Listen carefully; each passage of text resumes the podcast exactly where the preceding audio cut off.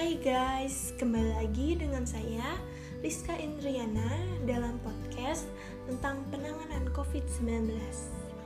Temanya adalah apa saja yang dilakukan oleh keluarga Anda dalam mencegah dan menangani pandemik sebagai warga negara.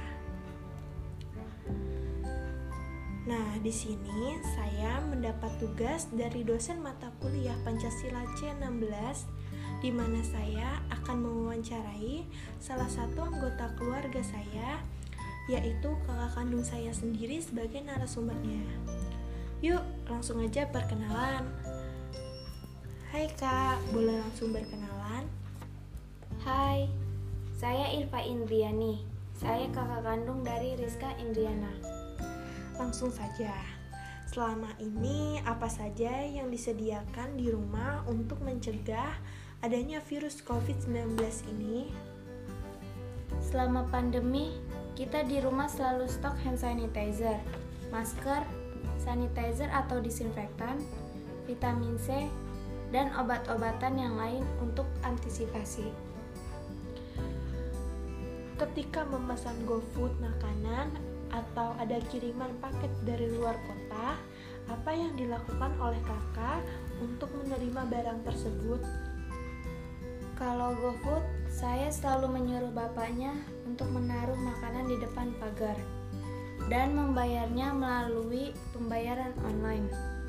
Lalu, kalau kurir paket, saya selalu siapkan tempat penaruhan paket di pagar untuk mempermudah kurirnya.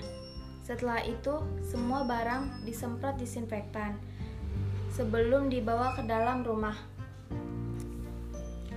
Oke, lanjut. Apa saja yang udah diterapkan di keluarga ini selama menghadapi pandemi COVID-19 ini?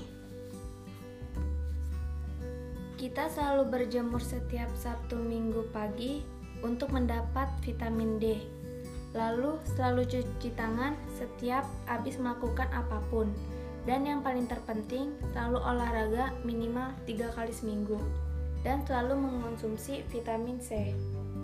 Wah, lalu ketika kakak sedang berpergian atau ingin berpergian keluar rumah, langkah apa yang diambil ketika kakak sudah di luar rumah dan ketika kakak sudah pulang ke dalam rumah atau sampai di rumah. Karena aku setiap hari harus ke kantor, aku selalu membawa hand sanitizer dan memakai masker. Setelah sampai di rumah, aku selalu mencuci tangan terlebih dahulu, dan sebelum masuk ke dalam rumah, aku langsung membersihkan diri untuk mengganti semua pakaian. Setelah bersih, aku semprotkan disinfektan ke semua barang yang tadi aku bawa dari luar, agar mencegah adanya virus yang menempel di bawaan kita. Oh iya, gak lupa masker selalu diganti setiap habis bepergian. Oke, ini pertanyaan terakhir apa yang kita lakukan ketika salah satu dari anggota keluarga terdekat kita atau dalam satu rumah kita terpapar terpapar virus COVID-19 ini? Pastinya kita akan menelpon Satgas COVID-19 untuk menanyakan prosedur selanjutnya. Ketika kita sudah sampai swab test, ternyata salah satu keluarga kita hasilnya positif. Dan selama menunggu, kita pastikan salah satu anggota keluarga yang terpapar virus ini sudah menjalankan isolasi mandiri.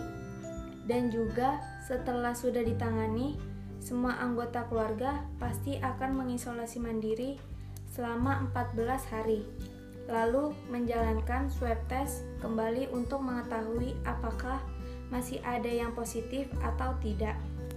Wah, oke kayaknya itu saja pertanyaan dari saya. Terima kasih banyak atas waktunya untuk wawancara ini. Oke guys, sudah di akhir podcast dari saya tentang penanganan COVID-19 ini yang bertema tentang apa saja yang dilakukan oleh keluarga Anda dalam mencegah dan menangani pandemik sebagai warga negara. Semoga kalian suka dan selalu jaga kesehatan di mana pun kalian berada. Jangan lupa 3M, yaitu memakai masker, mencuci tangan, dan menjaga jarak. Dan selalu ingat pesan ibu ya, stay safe semuanya.